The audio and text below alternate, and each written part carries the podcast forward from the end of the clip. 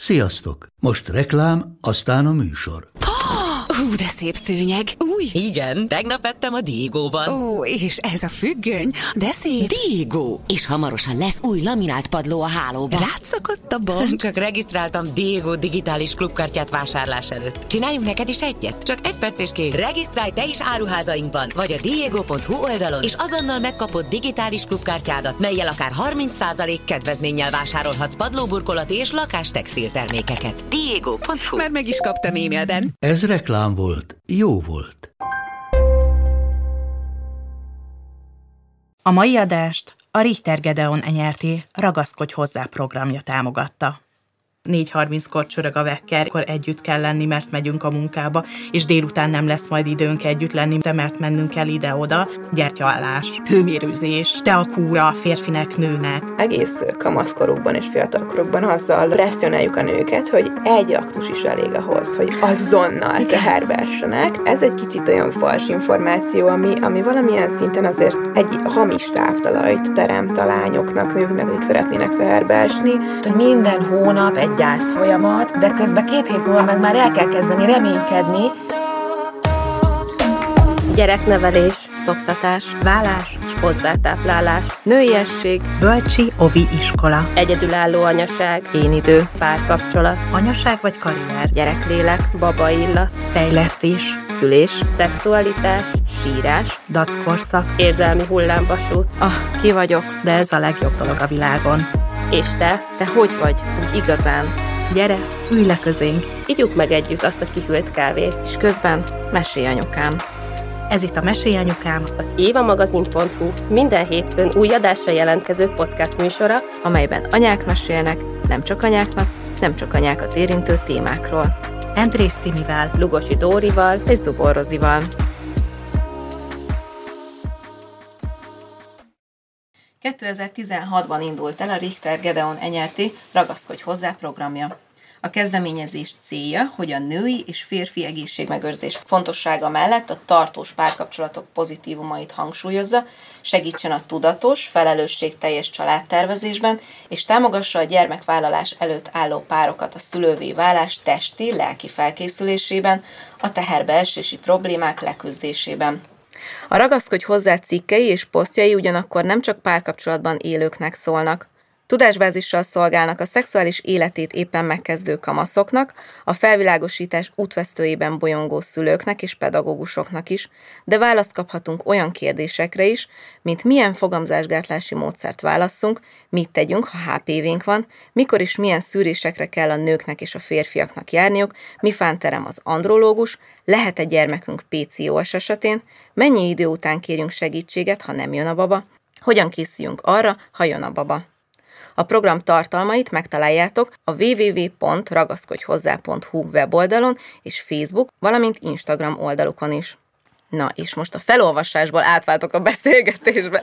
Azért olvastam csak ezt föl, mert nem szerettem volna hibázni, mert ezek nagyon-nagyon fontos információk, és itt van velünk a stúdióban két nagyon fontos vendég, akiknek nagyon szépen köszönjük, hogy elfogadták a meghívást, mind a ketten a Ragaszkodj hozzá program szakértői, dr. Babai Lilla szülész nőgyógyász szakorvos, és Soltész Krisztina klinikai szakpszichológus. Szervusztok! Sziasztok, köszönjük a meghívást. És ti engedtétek meg a tegeződést, amit köszönünk szépen, mert bár két orvos szakértővel ülünk itt, azért nekünk is könnyebb úgy, ahogy fogalmaztátok így dumcsizni egyet ebben a témában. Már nagyon régóta tervezzük ezt a beszélgetést, és be kell vallanunk, hogy nagyon-nagyon örülünk neki, hogy ez megvalósult, mert hogy hónapok óta kapunk a témával kapcsolatban üzeneteket, hogy jó, jó, tök jó, hogy beszélgetünk az anyaságról, de hogy így van ezelőtt egy nagyon fontos időszak, ami mindenki átmegy, hogy ez nem csak úgy csettintésre jön nagyon sok mindenkinek, nagyon sok mindenkinek meg kell küzdeni érte, hónapokig, akár évekig is, szeretnék, hogyha erről is beszélgetnénk, úgyhogy ezért jöttünk ma itt össze, és mielőtt hozzátok fordulunk vendégekhez, először kicsit ti meséljetek nekem lányok arról, hogy nektek hogy alakult a baba tervezés, és a Dóri nagyon-nagyon nevet. Ö, Szeretnétek kezdeni? Lehet, hogy a te történeted rövidebb. Egymásra néztünk, és jöttek a babák. Nem, ö, igen, igen, négyből három egyébként igen. A Zoárdal volt az, hogy ö, öt vagy hat hónapnyi próbálkozás után csusszant be, de, a, de erre mindig viccesen azt mondom, és lehet, hogy ez egy kicsit erős, neki, erős kezdés így, de hogy nekem a második kisfiam az Zoárd Down-szindrómás, és mondtuk az Áronnal, hogy hát igen, egy ilyen gyönyörű Downos gyereket azért nem lehet elsőre összehozni, úgyhogy, de azt egyébként én nagyon rosszul értem meg, az Áron, az Áron, az Áront annyira ez nem, nem zavarta. Én, én ott már elkezdtem figyelni, hogy mikor van peteérésem, hogy mikor kell csinálni, és akkor a, ezzel egy kicsit az Áront így hát elvettem a kedvét a férjemnek attól, hogy itt most gyereket kell csinálni, és akkor, és akkor hát de végül, de végül sikerült, de hogy egyébként igen, nálunk így nagyon szerencsére így nagyon hamar összejött Azért Mindenki. harmadikra és negyedjére visszajött a kedve, szóval hogy ezzel nem volt aztán gond. Főleg negyedjére, nem? Igen. Igen, igen, igen. Ti mi nálatok? Hát említetted ezt az 5-6 hónapot, és egyébként, hogyha így kimondjuk, hogy 5-6 hónap, fél év, hát az annyira gyorsan elrepül. De amikor benne van az ember, és jönnek a vérzések sorba-sorba, nem várt vérzések, hát az minden hónapban egy tragédia, az minden hónapban egy, egy meghalás. Ez lehet, hogy egy nagyon-nagyon erős kifejezés, de Szerintem egyáltalán nem. Nem, én is egy kis halált akartam Igen. mondani egyébként. De hogy tény, tényleg annyira nagyon nehéz. Nekünk júliusban volt az esküvőnk, és januárban mondtuk, hogy akkor most már jöhet az első baba, és nagyon-nagyon nehéz volt ez az időszak, mert ez volt az első olyan alkalom az életünkben, 30-hoz közel, amikor megtapasztaltuk, hogy vannak olyan dolgok az életünkben, amik nem úgy működnek, hogy eltervezzük és megvalósítjuk. Itt rajtunk kívülálló dolgok vannak, és hogy bármit csinálunk, nem sikerül. És ezt a kudarcot, ezt megtapasztalni, hát az nem csak a nőnek nehéz. Szóval én emlékszem rá, hogy én a leendő gyerekszoba padlóján sírtam minden hónapban, a férjem pedig a fürdőszobába bújt el, és aztán hát decemberben egyébként évvégén lett pozitív a teszt, és akkor már egy csomószor mondta, hogy ne is csináljál tesztet, vagy ne mondjad nekem, hogy csináltál tesztet, mert mert ez annyira nagyon nehéz. Egyébként az ilyen nagyon munkás részén, szóval a 4.30-kor csörög a vekker, és akkor együtt kell lenni, mert megyünk a munkába, és délután nem lesz majd időnk együtt lenni, mert este, mert mennünk kell ide-oda.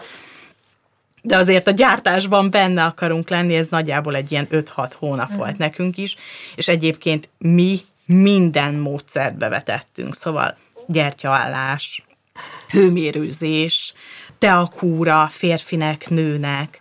De rögtön az elejétől? Mm, Nem januártól, hanem így nyártól uh-huh. kezdve, amikor már ugye ott volt fél év, amikor az ember azt gondolja, hogy összebújnak, és akkor már jön is a gólya. Úgy nyártól, akkor már így nagyon ráfeszültem erre, vagy mind a kettem. És aztán mondta a nőgyógyászom, hogy kezdjek el diétázni, akkor nem volt ennyire sok súlyfelesleg rajtam, mint most, de azért volt rajtam, és mondta a nőgyógyászom, hogy kezdjek el diétázni, nem kell sokat leadni, csak egy pár kilót, egy három-négy kiló is elég, és akkor, akkor jönni fog majd a baba, mert hogy, hogy ennyi kevés súlyvesztés is elég ahhoz, hogy sikeres legyen ez a projekt, illetve képzeljétek el, ez nagyon-nagyon érdekes, nekem két gyermekem van, egy hat és egy három éves, és mindkettő pozitív teszt előtt véradáson voltam. Tök véletlen egyébként. Nagyon véletlen, novemberi hónapban az akkori munkahelyem mindig szervezett véradást, és novemberben akkor elmentem vért adni, és decemberben pozitív lett a teszt. Nálunk így volt ez, nagyon küzdelmes volt. Én, ahogy gondolkoztam erre az időszakra, az jutott eszembe, hogy én annyira naívan álltam bele ebbe az egészbe, hogy, mint nagyon sok mindennel az anyasággal kapcsolatban, hogy így én így úgy voltam vele, hogy akarunk gyereket, pont, tudjuk, hogy hogy kell csinálni a gyereket, pont, csináljuk, és majd lesz. És hogy nekünk is ilyen két-három hónap után, amikor az első baba így nem jött, akkor így, hm, hát hogy így ezt, ezt így hogy nem. És akkor már úgy jönnek a telefonok, hogy na, na, és most? És akkor így nekem például a kedvencem volt, hogy kislányom, ne görcsölj rá. Hát ezt, na, ezt a legkönnyebb mondani a ne görcsöljére, de azért minden, nem tudom, két hetente vagy havonta jön a telefon, és akkor mindenki elmondja, hogy ó, hát hogyha a pósom csak rám, rám nézett kislányom, én már terhes voltam. De ne görcsöljél! szóval, hogy nekünk így indult, és akkor én például bevallom őszintén, én 25 éves voltam, hogy én nem néztem akkor, hogy peteérés, meg ilyenek, nem foglalkoztam ezzel, és utána kezdtem el, és akkor, amikor először így tudatosan, akkor néztem, hogy akkor valószínűleg mikor van a peteérésem, akkor egyébként sikerült is. De hogy, hogy így azért emiatt nekem is volt egy ilyen rossz az egészben. Mm. És én például rögtön ezzel kapcsolatban arra lennék kíváncsi, hogy, hogy most így hárman három különböző történetet mesélünk, és valószínűleg, hogyha most százan mesélnék el, száz embernek lenne száz különböző története, de hogy így a nagy átlagban mit láttok, hogy mennyire tudatosan ugranak bele a családalapításba a párok? Hát én azt látom, hogy nagy különbségek vannak amikor fiatal, ahogy te is mondtad, hogy 25 évesen fiatalon kezdtetek bele, teljesen naivan, csak úgy ártatlanul, hogy hát ez menni fog, és hogy nagyon sokan így állnak valóban hozzá, és ugye azt is nagyon gyakran hallom, hogy hogy ilyenkor szembesülnek először azzal, hogy valami hogy nem teljesen kontrollálható. Tehát, hogy részben tudok tenni, de, de részben meg, meg nem tudom kontrollálni ezt a folyamatot. Egy idő után hogyha ilyen fiatalon kezd el valaki próbálkozni, akkor, akkor valóban ugyanez a forgatónkönyv nálad is volt, hogy akkor elkezdenek utána járni, jobban tapasztalatot szerezni, ismereteket, tehát azok, akik ilyen problémával küzdenek, nagyon falják az információt egy idő után. De van egy másik csoport, akik pedig nem ilyen fiatalon vállalnak, hanem már, már kicsit később. Nagyon sokszor azért, mert egyébként nem találták meg a, az ideális párt, akivel ö, ö, családot lehetne alapítani, csak mondjuk már 30-35 fölött, és ott azért már sokkal tudatosabb a rákészülés. Nyilván azért, mert tudják, hogy hát az orvosok azért mondják, hogy minél fiatalabb az ember, annál ö, könnyebben megy ez, és akkor ott már van egy nagyobb rákészülés. De érzelmileg akkor is nehéz az, hogy még 35-36 évesen is az ember általában nem szembesül olyan dologgal a testét illetően, tehát nincsenek nagy betegségek, hál' Istennek, hanem ilyen, ilyen egészségtudattal fognak bele a, a gyerekvállalásba, és amikor ez akadályoztatva van, ez valóban egy, egy, ez, ez, ez valóban egy kis halál, és nagyon sokszor, ugye, hát ez, ez egy elhúzódó krízissé válik. Tehát, hogy minden hónap egy gyász folyamat, de közben két hét múlva meg már el kell kezdeni reménykedni, és akkor ez az egész ambivalensé válik, hogy még el se gyászoltam a múltkorit, de már bizakodnom kell. Hatalmas hullámos és akkor, és akkor ráadásul jön a családtagok, egyébként amit meséltél a ne rá, az egy nagyon áldozathibáztató hozzáállás, mert, mert ugye azt implikálja, azt üzeni, hogy te tehetsz róla. A másik véglet, amikor nem is akarod igazán, hogy azért nem jön, mert nem is akarod igazán, tehát hogy nem tudom, te tapasztalsz-e ilyeneket, amit a paciensek mesélnek? Igen, én, én nekem az az érdekes, amit ugye tapasztalok, hogy ö, egész kamaszkorukban és fiatalkorukban azzal ö, hogy mondjam, presszionáljuk a nőket, hogy egy aktus is elég ahhoz, hogy azonnal teherbe essenek, tegyünk meg mindent ugye minél hatékonyabb fogamzásgátlásért, ami ugye rendben is van, csak az ember általában egy ilyen hirtelen váltással ott találja magát, hogy na jó, akkor most viszont már jöjjön a baba, és akkor várjuk, hogy az legyen, amit a nőgyógyász mondott, hogy egy aktus is elég. És szerintem ez egy kicsit olyan fals információ, ami, ami valamilyen szinten azért egy hamis táptalajt teremt a lányoknak, nőknek, akik szeretnének teherbe esni. Ugye azt tudjuk, hogy két teljesen egészséges embernél is 10-25 százalék esélye van annak, hogy ez első ciklusban, vagy egy ciklusban megtörténik a várva vár teherbeesés. Tehát azért ez egy elég pici szám, hogyha most így megnézzük, hogy, hogy, hogy ezek milyen kicsi esélyek.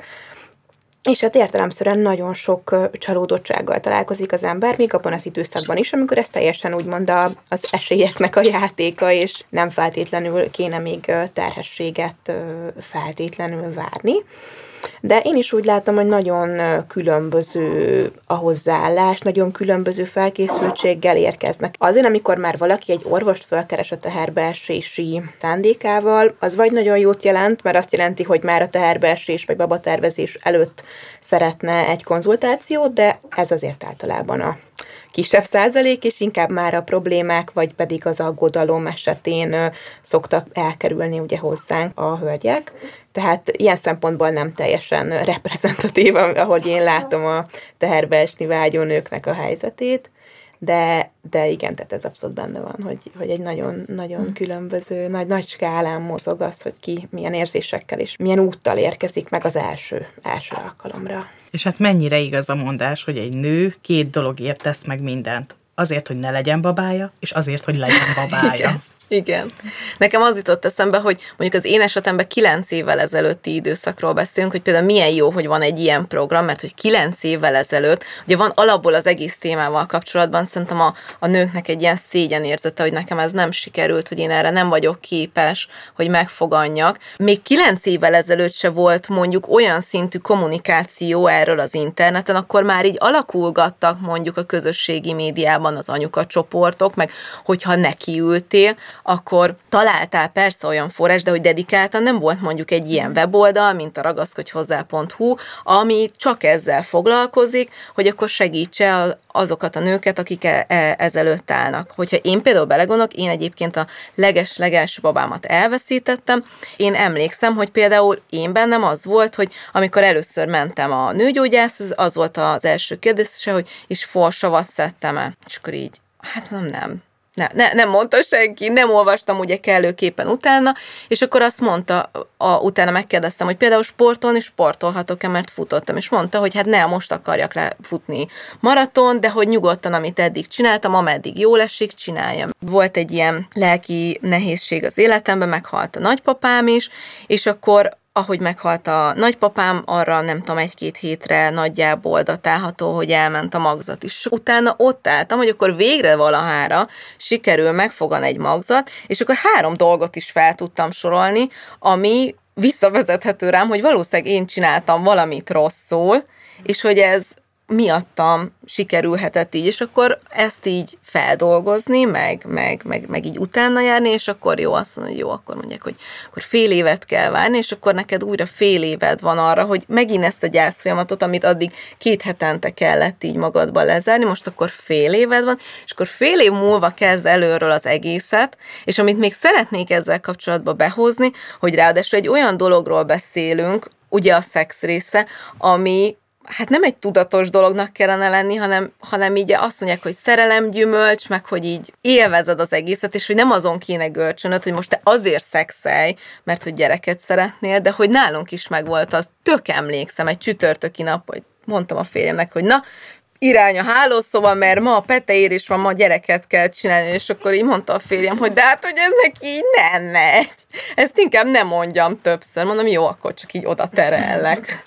De nem. De, de igen, abszolút, hogy ugye, hogy, hogy ideálisan ez csak úgy megtörténik, de hogyha már nagyon vágyik rá az ember, és nem történik meg, akkor igenis elkezdi minél valószínűbbé tenni, tehát kontrollálni azt a folyamatot. És, és egyébként valóban a paciensektől is ezt hallom, hogy a férfiaknak e, ezzel nagyobb problémájuk szokott lenni.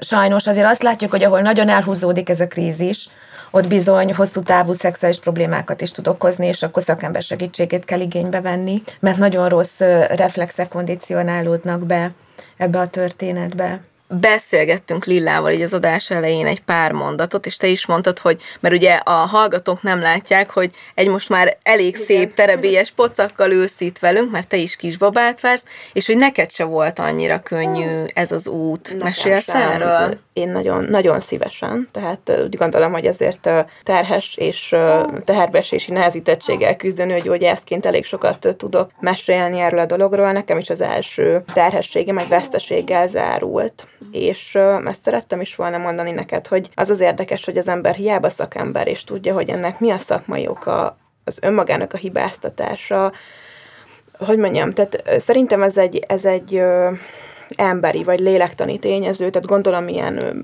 lelki állapottól függ, hogy ki mennyire ilyen önostorozó típus, de szerintem ez rengeteg nőnél előfordul, meg ugye az, hogy az ember válaszokat keres, mert alapvetően nem egy olyan szinten spirituális világban élünk, amennyire spirituális folyamat a teherbeesés, és mondom ezt úgy, hogy alapvetően azért így tudományosan is értjük a folyamatnak a nagy részét, de rengeteg mindent ugye nem. És szerintem ez nagyon nehéz, hogy, hogy az ember elfogadja az elfogadhatatlant, és... Illetve részben függ a személyiségtől, hogy ki mennyire önostorozó, de azért ugye egy ilyen kontroll illúzió is bejön itt, mert hogyha én rontottam el valamit, Igen. akkor legközelebb majd jobban csinálom, és akkor jobban bízni tudok benne, és ez egy kicsit szorongás csökkent. Tehát, hogy vannak dolgok, amiket kézben tudok tartani. És ez a része nagyon fontos. Persze ez aztán át tud csapni egy túlkontrollálásba, egy rigid, merev, túlszorongó hozzáállásba, és akkor itt ez egy másik kérdés, hogy ugye sokszor küldik hozzám az orvosok azokat a pacienseiket, akiket az alapos meddőségi kivizsgálás után sem találnak problémát, mégsem jön össze a baba, esetleg még a egy-két lombik sem. És akkor itt, itt megragadom az alkalmat, hogy ezt elmondjam, hogy ugye mondtad, hogy 15-20 százalék a spontán teherbeesés esélye, de a lombik esélye is 20-30 százalék.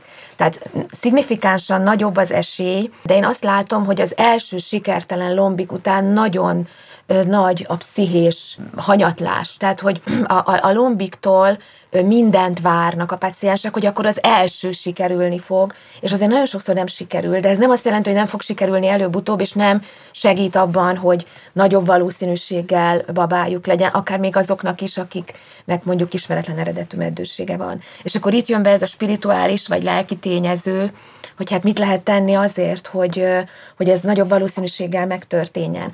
Egyébként a, a kutatások azt nem tudták exaktul bebizonyítani, hogy bármilyen pszichés zavar okoz meddőséget. Viszont, amikor az ember benne van ebben az elhúzódó krízisben, ebből az ismételt meg nem oldott gyász folyamatban, az okos pszichés zavart, depressziót, szorongást, hogyha egy-két trauma is sajnos be, bekerül a, a rendszerbe, akkor posztraumás zavart, és ott az adekvát megküzdés, ez egy ilyen csúnya szakmai szó, ez azt jelenti, hogy mit tudok tenni azért, hogy, hogy, hogy teherbe essek. És itt azért fontos tényező az, hogy egészséges életet éljek. De ha éppen depressziómban vagy túlzottan szorongok, akkor nem fog mozogni, akkor, akkor, akkor nem eszem olyan egészségesen, akkor, akkor, akkor nem megyek el az orvosi vizsgálatra, akkor, akkor esetleg nem megyek egy következő lombikba.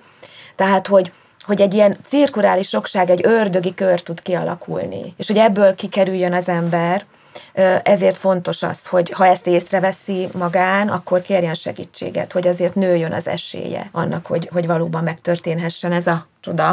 Én nekem, amikor az első babám elment, ugye akkor a nagypapám már nagyon haldoklott, és ez például muszáj, hogy elmeséljem, mert hogy szerintem azért sokan tudunk kapcsolódni ezzel is, hogy hogy pláne amikor már megfogan az a várva várt baba, és hogy én, fú, én nagyon szerettem a nagypapámat, és minden nap elmondták, hogy de ne sírjál, ne sírjál, mert hogy az rosszat tesz a babának. Ah, és akkor, csak most ez azért jut eszembe, mert hogy így szoktunk arról beszélgetni, hogy amikor már itt van ez a baba, akkor is mennyi minden felelősség, meg feladata van az anyukának, és hogy, hogy amikor éppen, hogy csak megfogam benned már onnantól is, de ne sírjál, meg egészséges életmódot élje, meg ne stresszelje, meg nem tudom, és annyira emlékszem, hogy így tartottam sokáig a sírást, és amikor kijöttem a nőgyógyászra, és akkor mondták, hogy hát már nincsen szívhang, és akkor így tök emlékszem, hogy így ültem az autóba, és Minden. így két órán keresztül zokogtam, akkor úgy kijött minden belőlem. A harmadjára már úgy vágtunk bele a baba projektbe, hogy előtte elmentem a nőgyógyászra, és akkor mondta, hogy hát de ezért nem kell eljönni, hogy én harmadjára babát szeretnék, és akkor mondtam, hogy de, de hogy nézze meg, hogy minden tényleg rendben van-e, a szervezetem készen áll-e, hogy akkor most így harmadjára megy egyébként három ö, császáron vagyok túl, szóval, hogy így mondjon rá egy álment, mert hogy én tudatosan úgy szeretnék ebbe így ö, belevágni. Az első veszteségek után két-három terhességet én, én például semmit nem mozogtam, mert mondtam, hogy, mm. hogy az esélyt se szeretném megadni, hogy megint majd esetlegesen én legyek a hibás. Igen.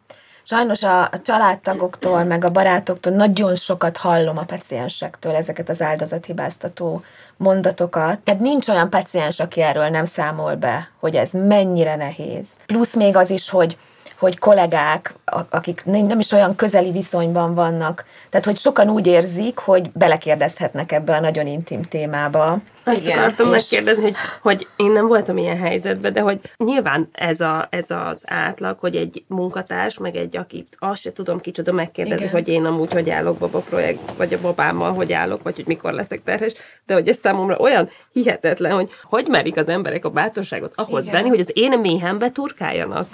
Én azt tudtam mondani, a, hát figyelmességből, vagy figyelmesek akarnak lenni, Igen. csak aztán nem lesznek figyelmesek. Én azt szoktam mondani a pacienseknek, hogy legyen beépített, vagy ilyen előre megfogalmazott hazugságtáruk. Valamit, tehát, hogy valamit mondjanak, amit nekik kényelmes. Tehát azért, mert ő belekérdez egy olyan intim témába, amiben amúgy nem illene nekem. Tehát a jól neveltség miatt így sokan azt érzik, hogy akkor válaszolni kell szépen. Ha kérdeznek, akkor válaszolni kell. Nem kell válaszolni, hanem vagy, vagy, vagy valami olyan, olyan kamút, ami, ami eléggé figyelemelterelő, vagy pedig van olyan paciensem, aki egyszer csak válaszolt a kérdésére ennek a, egy, egy férfi kollégának, és így rázúdította.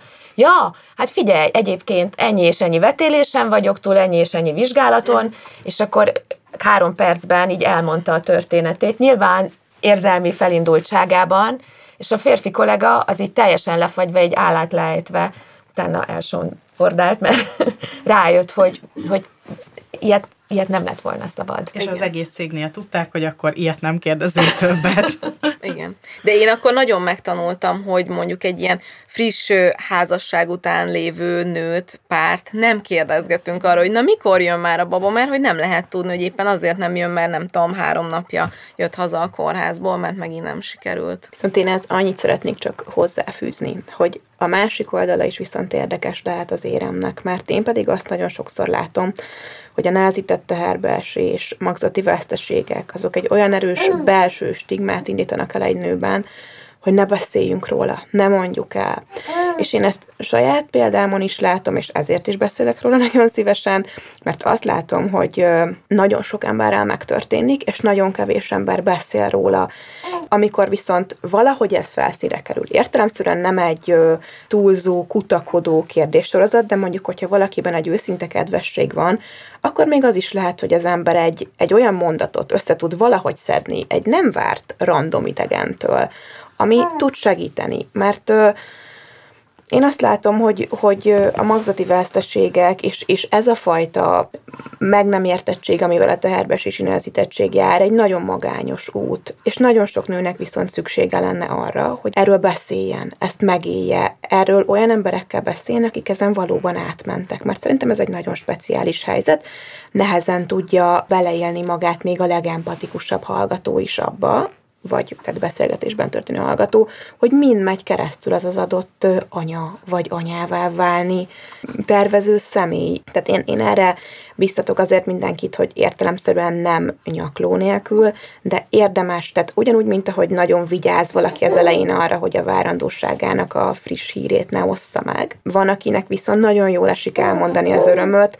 Szerintem nagyon fontos az, hogy, hogyha ér minket egy veszteség és egy nehézség, akkor arról tudjunk beszélni, vagy legalábbis meglegyen az a támogató közegünk, és szerintem már nagyon jók bizonyos ilyen most így hülye hangzik ez, hogy női körök, de ahol, ahol hasonló problémákon átmenő lányok, hölgyek tudják a tapasztalataikat megoldani, tehát írtozatosan gyógyítónak tartom orvosi szempontból is ezeket, mert így van, nagyon káros, hogyha tabusítva van igen, egy téma, igen. mert ugye akkor az izolál, akkor a társas támogatottságtól meg vagyok fosztva, ami igen. egyébként segítene. Viszont amiket én tapasztalok, azok általában tényleg ilyen ismétlődő veszteségek után egyszerűen nincs az ember olyan pszichés állapotban, hogy egy olyan embernek a kérdésére válaszolni tudjon, és érzelmileg kezelje azt a helyzetet, aki, akivel ő nem akarta ezt megosztani. Tehát, hogy ez egy, ez, ez, egy, ez egy érzékeny téma, hogy igen, legyen olyan közeg, akit, igen, akit kiválasztok, igen. hogy támogat engem, barátok, családtag, akit, akit én választok ki, akivel én megosztom a történetem. Itt most az előbb azokról beszéltem, akik csak úgy beletrollkodnak a történetbe, olyanok, akik erre nem tartozik, és hogy ez, ez, ez nagyon kettős, de számomra nagyon fontos, hogy beszél, beszélni lehessen, mert egyébként amikor így elkezd egy, egy női társaságban beszélni arról, hogy hogy kinek volt ilyen vesztesége, az esetek nagy részében kiderül, hogy hát mindenkinek, én is már erről is nyilatkoztam, hogy nekem is volt két veszteségem, én nekem van egy 19, meg egy 12 éves fiam, de köztük volt két korai mizdávim, tehát ilyen korai elhalt terhességem, és bizony nekem, nekem nagyon fontos volt, és sokat segített, hogy a, pont már akkor ugye ebben a témában dolgoztam, tehát tudtam, hogy, hogy én ezt hogy akarom kezelni, de hogy ez egy nagyon érzékeny téma mindenkinek, és hogyha beszélünk róla, akkor rájön az ember, hogy azért egy vetélés után nem kell kétségbe esni. Ez nem azt jelenti, hogy én nem vagyok való anyának, hogy nekem ez az egész történet nem fog menni, nem kell önhibáztató, önvádló hozzáállással még jobban rontani azt a pszichés állapotot, amit a veszteség egyébként is amortizál. Érdemes, hogyha mondjuk a nulláról vág be le valaki ebbe az egészbe, érdemes őket előre fölkészíteni valahogy ilyen nagyon szenzitív módon, hogyha esetlegesen sikerül is a teherbeesés, készüljenek valahol föl arra, hogy, hogy ez nem feltétlenül járhat sikerre, vagy, vagy, vagy hogy készítsük föl magunkat egy, egy, egy ilyen... Hát ugye, akik már hozzám eljönnek, ők általában már, már sokat vártak, tehát hogy, hogy emiatt ez más hozzáállás, de egyébként ha fiatalon először az ember gyereket szeretne, akkor, akkor nagyon ártatlanul megy bele ebbe a történetbe. Tehát, hogy én nem is tudom elképzelni, és amikor fiat 28 évesen szültem a, a, a nagyobbik fiamat, hiába ezen a területen dolgoztam, azt gondoltam, hogy hát semmi nem lehet, meg sem néztem a vérvételi eredményeket, hanem oda mentem, mert az orvos azt mondta, és akkor így kész, és nem is volt semmi. És amikor egy kicsit vártam, és végül ő már megmaradt, egyébként nekem kezelni kellett például az inzulinrezisztenciámat ehhez, akkor már minden vérvételnél így szorongtam, hogy, hogy most akkor mi fog kiderülni, és, és amikor a pacienseim hasonló helyzetben vannak, akkor én mindig mondom, hogy amikor az ember már tapasztalt veszteséget, akkor ugye az, az agy megtanul egy, egy helyzetre reagálni. Tehát, hogyha már egyszer átmentem egy veszteségen, akkor legközelebb félni fogok, hogy az újra megtörténik velem, és azért megpróbálom elkerülni, tehát, hogy ez teljesen természetes, hogy, hogy egy vesztességek, vagy egy veszteség, vagy több veszteség után már nem állunk olyan ártatlanul. Ettől függetlenül ez nem azt jelenti, hogy ezzel rosszat teszek a, a magzatnak. Tehát, hogy, hogy nyilván ráhangolódik az anya idegrendszerére, de ez nem okoz vetélést. Tehát meg akarunk tenni mindent, én azt szoktam javasolni, hogy, hogy minden nap relaxálni érdemes, mert azt, amit a, a stressz, az idegeskedés felszánt, azt a relaxáció elboronálja, tehát, hogy azzal nagyon sokat tudunk tenni, mert a pszichés immunrendszerünket erősítjük a relaxációval, és ezáltal a testi immunrendszerünket is. Tehát, hogy van, vannak olyan folyamatok, hogy a relaxáció gyógyít, tehát ilyen öngyógyító folyamatokat indít be, például olyan helyzetben is, amikor nyilván életmódváltoztatásokkal együtt, olyan helyzetben is, amikor nincsen oka a, a termékenységi zavarnak. Tehát az például nagyon sokat tud tenni, a testi egészségünkért is, hogyha ha, ha relaxálunk. És a lelki oldalról akkor így most beszéltünk, hogy mit érdemes tenni akkor, hogyha nem sikerül. De egy kicsit beszéljünk a testi oldalról is, hogy, hogy mi, mik azok az első lépések, amiket megtehetünk annak érdekében, hogy nem azt mondom, hogy biztosan sikeres, de hogy nagyobb százalékkal álljunk neki a babavárásnak. Ehhez fontos ismernünk azt, hogy mik azok a tényezők, amik, amik ronthatják a teherbeesés esélyét, és ugye ezt érdemes kiiktatni, ezeket a tényezőket, vagy minimálisra csökkenteni a jelenlétüket, akkor így rögtön így a legnehezebb tényezővel indítanék, amit nem lehet igazából csökkenteni, ez pedig az életkor. Az egy nagyon fontos információ, hogy a tehát egy, egy nőnek úgymond az ideális testi szempontból történő ö, legjobb időszaka a teherbeesésre az a 20-35 éves kor között van. Ezen sajnos javítani ö, nem tudunk. Tehát ez egy, ö, ennek az az oka, hogy az idő előre haladtával a már egyébként magzati kortól vagy születésünktől állandó petesejt készletünk rohamosan fogy, és a petesejteknek a minősége is romlik. Ezáltal ö, már nem annyira egészséges petesejtek tudnak beválasztódni egy esetleges babakészítésnek a, az alapanyagaként.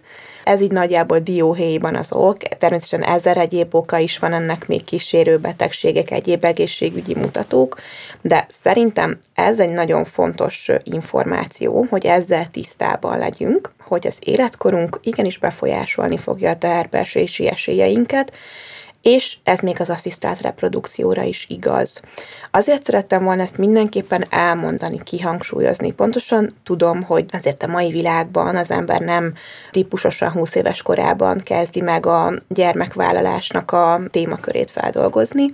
Értelemszerűen nagyon sok múlik a külső körülményeken, viszont jó, hogyha azzal az ember tisztában van, hogy az orvostudomány még mindig nem minden tudó. Tehát nem lesznek azonosak az esélyek, hiába vannak jó minőségű asszisztált reprodukciós eljárások, az életkornak a szerepét azt, azt, azt nem lehet úgymond visszacsinálni. Tehát érdemes azért ezt is az embernek fejben tartani, amikor a babavállalás szóba kerül. Ezen kívül szerintem nagyon fontos az, hogy a káros hatásokat próbáljuk meg az életünkben minél inkább csökkenteni. Itt elég sokféle káros hatásról tudunk beszélni. Ilyen lehetnek a különböző káros szenvedélyek, dohányzást, azt a babatervezéstől javasolni szoktuk, hogy, hogy függesszék fel a pár tagjai, mert egyébként itt nagyon fontos, hogy az édesapa is leálljon ezzel a szokással, hogyha tud. Egyébként én kíváncsi vagyok, hogy a kornál is számít az apakora is, vagy csak az anyakora számít? Sokkal kevésbé számít kevésbé. az apakora. Tehát, hogy mondjam, az arányok elenyészőek az apakor. Tehát, tehát az édesapánál is lehet az életkorral értelemszerűen ugye a szexuális funkciónak a csökkenése, vagy pedig a spermaképnek a romlása megjelenhet, de, de ez, ez elenyésző a női női ö, életkornak a negatív hatásához képest. Tehát ebből a szempontból a férfiak szerencsésebbek. Ebből Ezt kimondhatjuk. Ugyanazt akartam mondani, hogy is még meg annyi. Azért vannak bizonyos zavarok, amelyek azért szignifikáns összefüggésben vannak az apai életkorral is, tehát például néhány pszichés zavar, de, ezek, de ez nem a megfogantatásban, meg a megszületésben, hanem a későbbi szülőfunkcióban. Nem, hanem a, a magzatnál megjelenhetnek bizonyos ö, problémák, hogyha nagyon idős a, az apa. Igen, és akkor ezen kívül még, még azért én így értem szerint a teljesség igénye nélkül azt ki szoktam emelni, hogyha valakinek van alapbetegsége, amit ismer.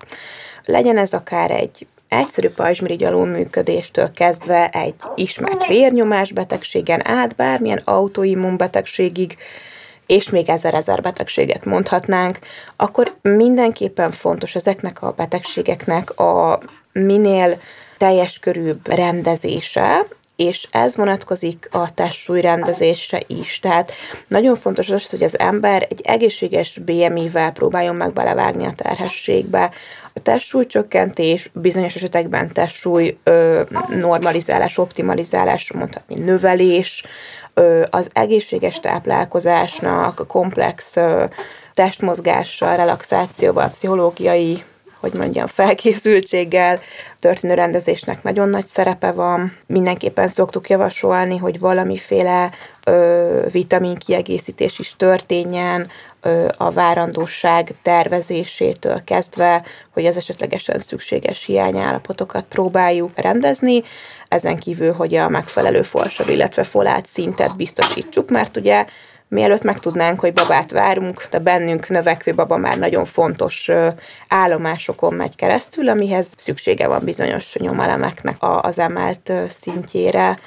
Én szoktam javasolni azt is, ez sajnos Magyarországon egy elég, hogy mondjam, elhanyagolt terület, ez az úgynevezett prékoncepcionális tanácsadás, ez azt jelenti, hogy egy teherbeesés előtti tanácsadás, aminek a keretein belül ö, egészségügyi szakember tud segíteni abban, hogy van-e valamilyen olyan tényező, ami a gyereket vágyó pár esetében tudja rontani az esélyeket, vagy van-e, amin, amin, amin lehet javítani. Tudnak beszélni ilyenkor a megfelelő vitaminpótlásról, megfelelő táplálkozásnak a beállításáról, esetleges lélektani tényezőkről. Tehát szerintem ez egy, ez egy nagyon hasznos kis alkalom lehet. Én egyébként nagyon hiszek abban, hogy ne csak azért járjunk például nőgyógyászhoz, hogy fájdalmas, kellemetlen és idegesítő vizsgálatokat végezzenek rajtunk, hanem beszélgetni is, mert tudom, hogy most az embernek a nőgyógyász nem feltétlenül a legnagyobb bizalmasa, viszont aki erre vevő, szerintem nagyon sok mindent tud mondani, és, és tud abban segíteni, hogy az ember éppen az adott problémájához kicsit, hogy mondjam, nagyobb látószöggel tudjon hozzáállni. Említetted a pszichológiai felkészülést. Azt azért gyakran látom, hogy hogy a hölgyek elolvassák az egész szakirodalmat, amit a könyvesboltban kapni lehet, és aztán amikor megszületik a baba, akkor valahogy ö, ezek a tudások nem tudnak aktívvá válni. És ez azért van, mert, mert amikor a családdá válás megtörténik, akkor sokkal inkább aktiválódnak azok a gyerekkori sémák és minták, amiket tudattalanul reprodukálunk. És, és ugye amikor egy, egy kamasz, egy fiatal felnőtt kilép az életbe, akkor nagyon sokszor van az, hogyha nem tetszett ez a minta, amit a szülők adtak, akkor azt mondja, hogy jó, én ezt most már magam mögött hagytam, egy új életet kezdtem, én másként fogom csinálni, mert nem értek egyet azzal, ahogy ők csinálták, ez nekem nem volt jó. És érdekes módon, amikor megszületik a baba, akkor bekapcsolnak ezek a mintázatok, mint egy ilyen rejtett nyomógombbal, és igazából ehhez a könyvek sajnos nem elegendők, hanem ezeket a mintázatokat érdemes terápiában átdolgozni. Mert én azt szoktam mondani a pacienseimnek, hogy, hogy a, a, akik a termékenységi zavarral hozzám jönnek, hogy, hogy én azt nem tudom megígérni nekik, hogy, hogy azért, mert hozzám járnak, akkor meg fog fogalni az a baba, és meg fog maradni, ebben ellentmondások, a kutatások van, ami megerősíti, hogy igen, van hatása, van, ami meg nem. De az, hogy segíteni tud abban, hogy elég jó anyává váljon, az, az nagyon valószínű. Tehát arra akár ígéretet is tudok tenni. És hogy, hogy ezért is nagyon fontos, hogy, hogy, hogy a könyveken kívül, mert nyilván azért fontos racionális információkat is begyűjteni, azért, hogyha vannak olyan mintázatok, amelyek megjelennek, akkor, akkor segítséget kérjenek. Hát igen. Igen, a, a, szerintem aki már kimondta azt, hogy nem akarom úgy csinálni, ahogy a szüleim, az már, az már induljon meg egy jó terápiára, mert hogy valóban nem akarod úgy csinálni, de nincs eszköztárod, hogy hogy csináld máshogy, és akkor ez... Igen, mert, hogy, mert, a, mert ugye a tagadásra, tehát végülis ez egy ellenazonosulás, tehát ezt úgy szoktam ábrázolni, hogy itt van, ahogy a szülők csinálták, és, és akkor azt mondja a paciens, hogy én meg pont az ellenkezőjéképpen akarom. Na most ezzel nagyon megköti magát, mert ez ugyanaz a, a dimenziónak, vagy két véglete, holott a szabad választásban van még 358 másik foka a körnek, hogy így, így ilyen vizuálisan is megmutassam, és ugye ha, ha nagyon ellenazonosulok, akkor rigidé válok, akkor, akkor merev vagyok, és, és, és az, hogyha engem elhanyagol, elhanyagoltak, én meg túlvédővé válok, az ugyanúgy problémát okoz a gyereknek. Most ez csak egy példa volt. De nagyon jó példa volt. Igen. És egyébként így mennyire sokszor beszélünk mi is arról, hogy ez az anyaság egy olyan nagy önismereti út, a legnagyobb Igen. önismereti Igen. út, amibe belecsatlakozhattunk, és hogy hányszor kapjuk magunkat azon, hogy az anyukánk mondatai hagyják el a szánkat, még akkor is, hogyha nagyon-nagyon-nagyon küzdünk ellene. Van az a pont, amikor bekapcsol, átvált ez a tudatossága tudattalanná, és jönnek, jönnek a mondatok. Bekapcsolód, bekapcsolnak ezek a sémák, és viselkedésesen megjelenítjük, igen. Igen.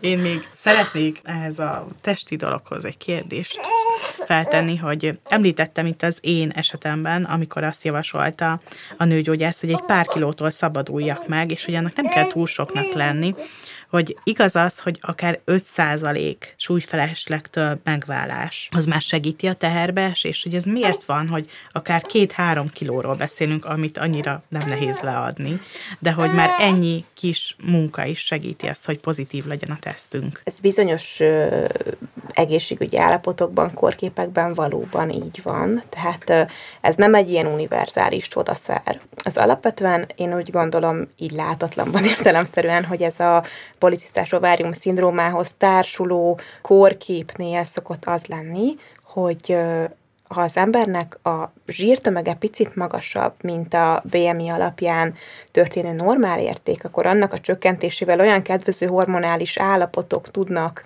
bekövetkezni, aminek hatására a peteérés meg tud indulni. És ugye, mint tudjuk, a peteérés és az, hogy az embernek legyen peteérése, az egy elengedhetetlen része annak, hogy, hogy, hogy ugye sikeres terhesség elé nézhessen. Tehát így, így sumázva ezt a, ezt a sok tényezős dolgot, a peteérésnek a, a megjelenését tudja segíteni az, hogyha az ember bizonyos egészségügyi korképekben a testtömeg csökkentése mellett leteszi a voksát, de viszont az is nagyon fontos, hogy azonos testalkatú, azonos testtömegű embereknél is van, akinél ez segíteni fog, van, akinél pedig nem, és ugye ennek a pontos tisztázására alapvetően endokrinológiai vizsgálatok, hormonvizsgálatok szükségesek, mert nem minden ember, akin súlyfelesleg van, küzd teherbeesési nehézséggel, van, akinél ez a teljesen úgymond normális testképének a része, amivel neki soha az életében semmilyen gondja nem lesz, és szépen sorban jönni fognak a bébik, ahogy ő azt szeretné. Van, akinél viszont ez lesz a problémának a kulcsa. Tehát uniformizálni nem lehet, de értelemszerűen, hogyha az ember testsúlyfelesleggel küzd, és mellette tapasztal még magán rendszertelen menstruációt, kimaradozó ciklusokat, esetlegesen fokozott szőrnövekedést, férfias típusú hajhullást, akkor mindenképpen érdemes felkeresni vagy mentőségi szakembert, vagy pedig endokrinológus szakembert, hogy tisztázni lehessen, hogy az ő esetében milyen korkép áll fönn, és mi lehet ennek a megoldása. Engem kettő dolog érdekelne még. Az egyik az, hogy mennyi idő után forduljunk szakemberhez, mennyi sikertelen próbálkozás után, és milyen irányba induljunk el ilyenkor, mert hogy egyébként most így nagyon ilyen női fókuszon megyünk, de hogy azért tudjuk, hogy ez tényleg nem csak rajtunk igen, múlik. Igen, igen, igen, igen. Hát ugye nagyjából úgy vannak az arányok, hogy hogyha most így pongyolán fogalmazunk, akkor körülbelül a fele-fele a férfi és női indok egy nehezített teherbeesésnél.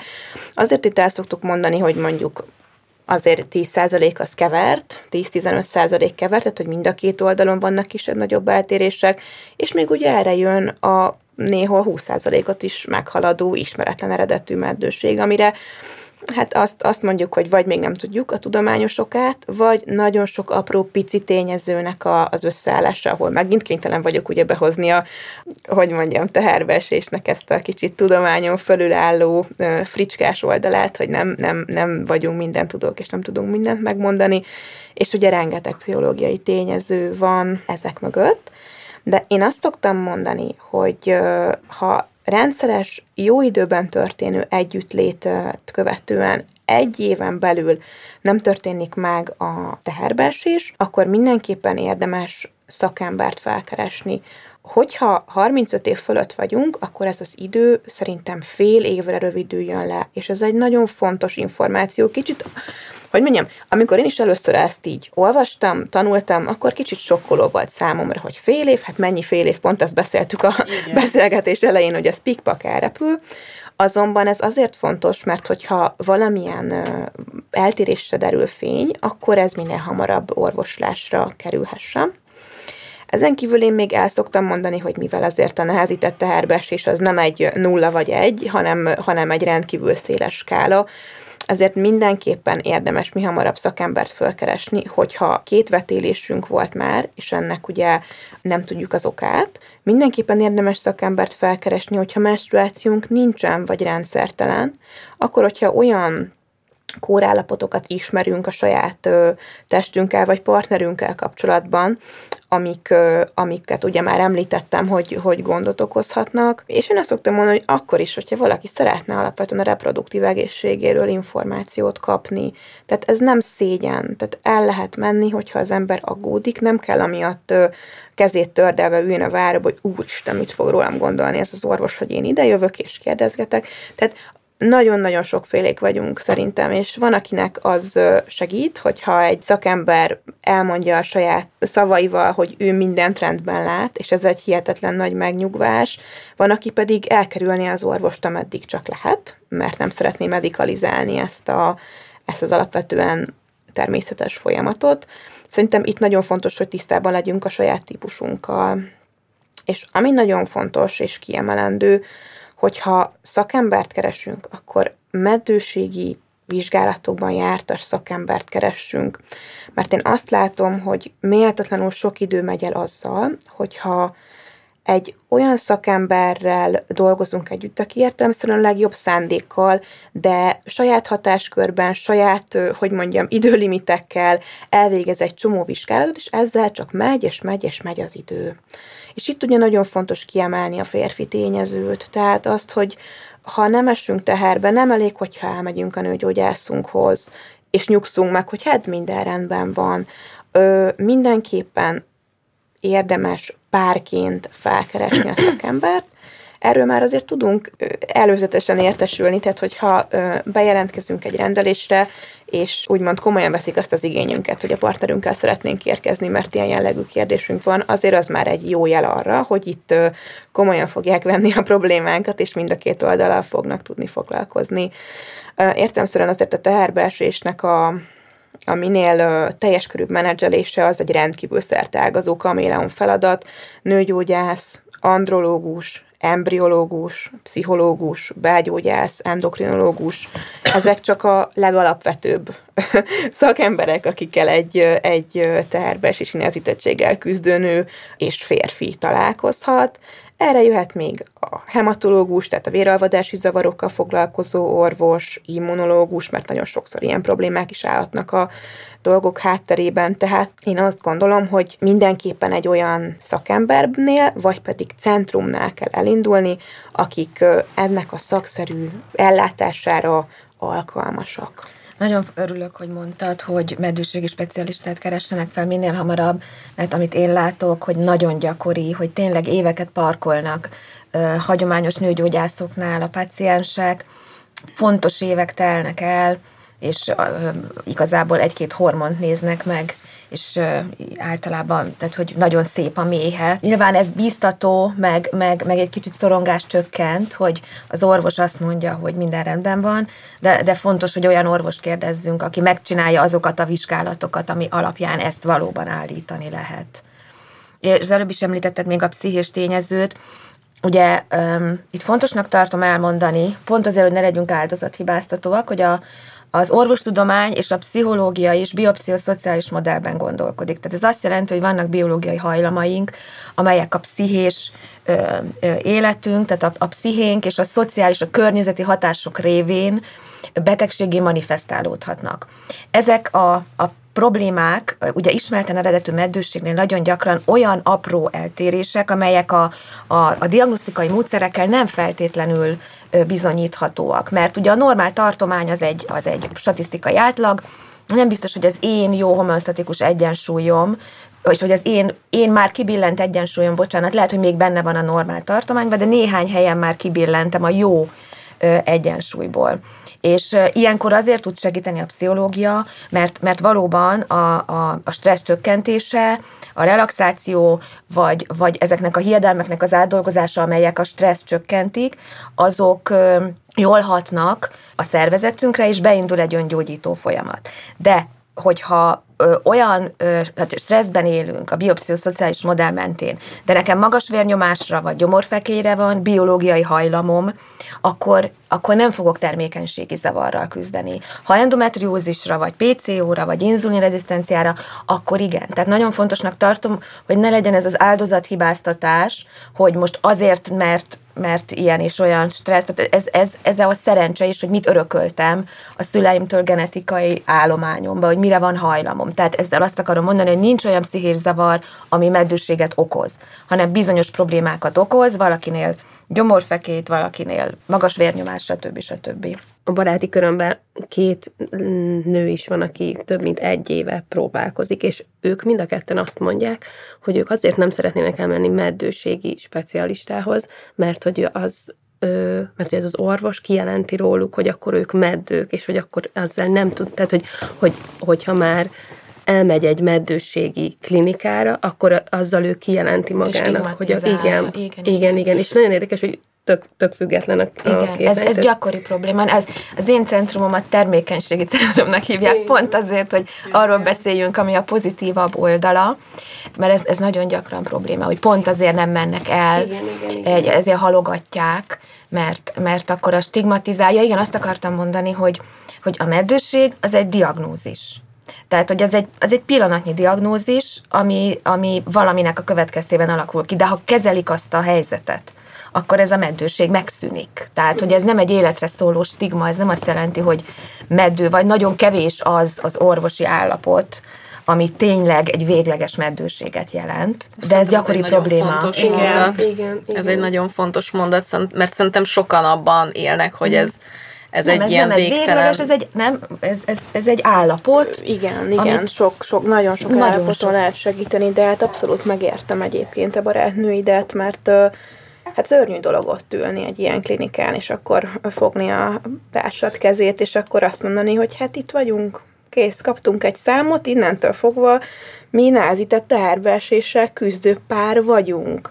És pont az Ördög Nórinak a könyvében van ez, hogy ez a meddő szó, hogy ő ezt mennyire utálja, és én is uh, próbálom ezt, tudom, hogy ilyen gáz, hogy ilyen hosszú, hogy nehezített teherbeesés, de hogy próbáljunk meg erre átszokni, mert annyira Igen. csúnya szó, vagy Igen, én legalábbis nekem annyi negatív érzelmet Igen.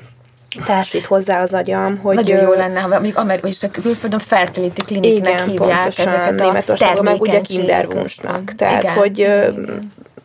Érdekes. Mások, Igen, igen. tehát hogy azért az, hogy vágysz egy gyerekre, ezért felkeresel egy intézményt, ez, ennek egész más az optikája, mint hogy bettő vagy. És akkor, akkor innentől stigma.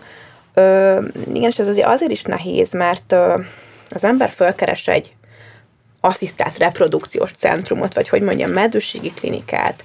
Ott a vizsgálatok, beavatkozások nagy része nem egy olyan dolog, ami, ami egyértelműen a meddőséghez kapcsolódik, hanem inkább a helyreállító orvoslás. Tehát az, hogy, hogy állapítsuk meg azt, hogy mi lehet a baj, és próbáljuk meg helyreállítani.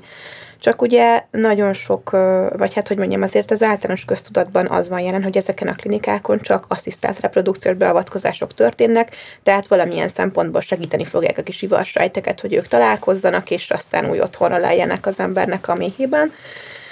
Pedig ezeken a helyeken rendkívül nagy szaktekintélyek dolgoznak azon, hogy, hogy akár az ő közbenjárásukkal a spontán teherbeesés is megtörténhessen. Tehát, Hát ez ö, sokszor úgy történik meg. igen, igen, igen. Tehát ö, ebből a szempontból nagyon jó lenne, hogyha mm, ez egy kicsit egy ilyen finomabb átmenetet képezne, mint oly sok mindenben szerintem a gyógyításban.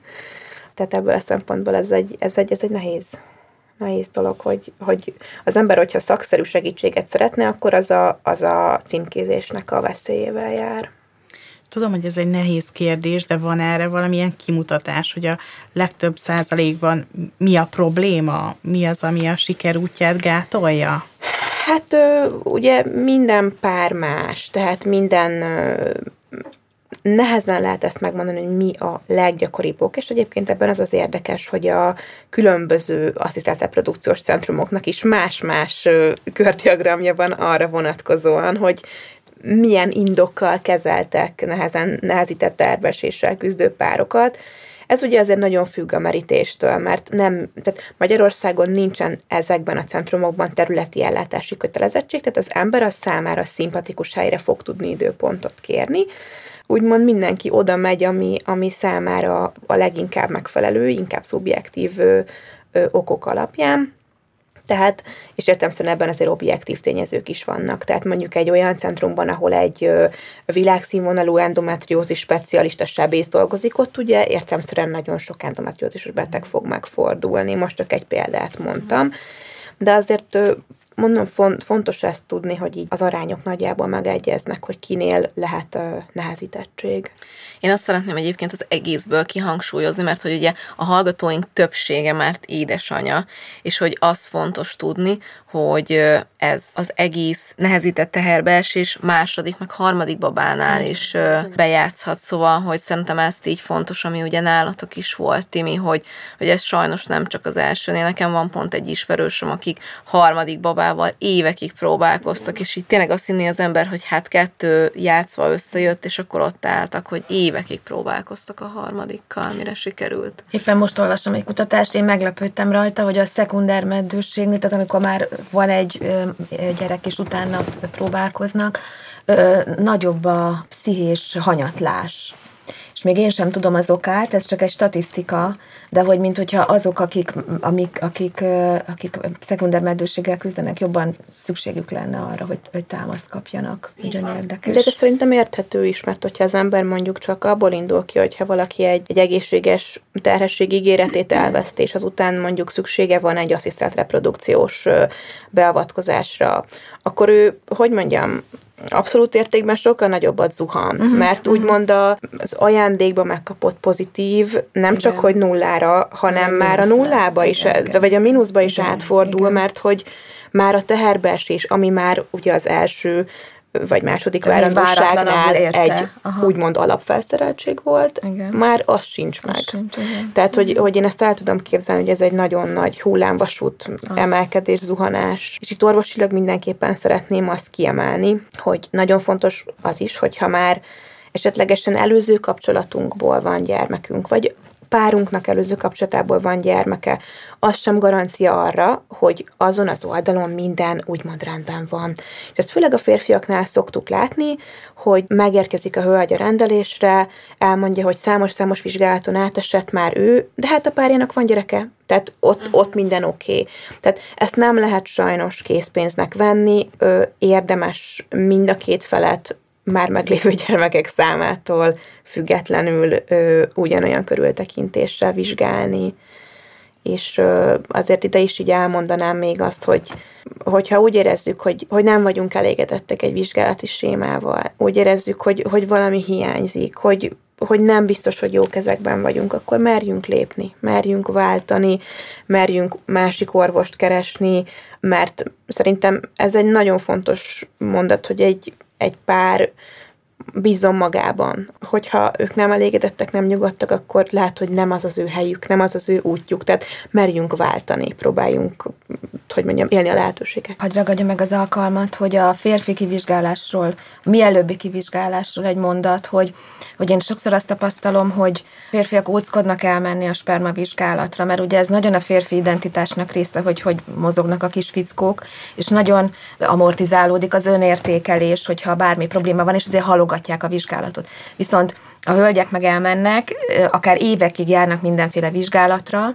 és, és ez alatt pszichésen meg annyira romlik az állapotuk, illetve a párkapcsolat annyira tönkre megy, hogy már már sokszor késő, mire ráveszik a, a férfiakat arra, hogy elmenjenek.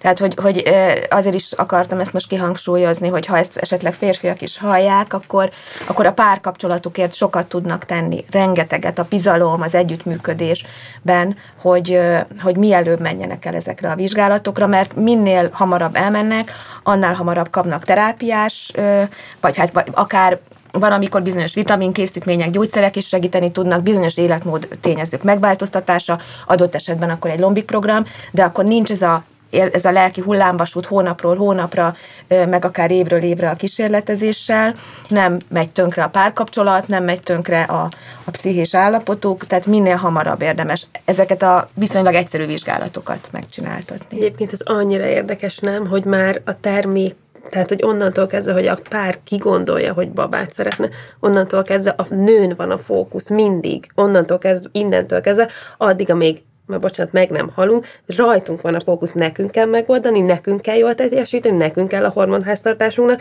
és esetleg, bocsánat, megkérem a férjemet, hogy egyébként ezt a gyereket közösen fogjuk összehozni, akkor legyen már olyan kedves, hogy bemész abba a szobába, még csak fájni sem fog, mert nem fog fájni. Igen, nem sőt. tudom, 5-től 10 percig tart, bocsika, vagy nem tudom, és hogy és hogy ezt nem azért teszed, ezt, nem, ezt, ezt a közös jövőnkért teszed, meg ezt azért, hogy én ne menjek tönkre mentálisan. Szóval, hogy... Meg egyébként a férfi meg, is, hát hiszen ha párkapcsolat, az őt is érinti, de ez egy nagyon érzékeny téma, tudom, csak hát ha férfiak is hallják ezt a beszélgetést. Ez megint egy olyan téma, amiről szerintem még órák hosszat tudnánk beszélgetni, mert nekem is még közben annyi minden kérdést fölírtam, de most nem fogjuk megtenni, mert nagyon hosszú lesz az adás, de erre van többek közt a Richter Gedeon nyertének a Ragaszkodj hozzá programja és a weboldal. Még egyszer el szeretném mondani www.ragaszkodjhozzá.hu, ahol többek közt a ti írásaitok és tanácsaitok is megtalálhatóak, tényleg nagyon szerteágazóan a témában, úgyhogy nagyon ajánlom mindenkinek az oldalt. Nektek pedig nagyon-nagyon szépen köszönöm köszönjük, hogy eljöttetek is, hogy meséltetek is, hogy ennyi mindent adtatok, mert szerintem nagyon sok mindenkinek adtatok ezzel. Úgyhogy köszönjük szépen, hogy itt voltatok velünk. És egy hét múlva találkozunk a hallgatókkal. Sziasztok! Sziasztok! A mai adást a Richter Gedeon enyerté Ragaszkodj hozzá programja támogatta. Ha még nem elég belőlünk, kövessetek minket TikTokon vagy az Instagramon, de Facebookon szintén Mesélyanyukám néven megtalálható zárcsoportunkhoz is csatlakozhattok. Vagy, ha szeretnétek, e-mailt is írhattok nekünk az infókukat évamagazin.hu e-mail címre. Ha pedig tetszik, amit csinálunk, értékeljétek, lájkoljátok és osszátok meg tartalmainkat, és mindenképpen szóljatok másoknak is, hogy minden hétfőn új adással folytatódik a Mesélyanyukám. Sziasztok! A műsor a Béton partnere.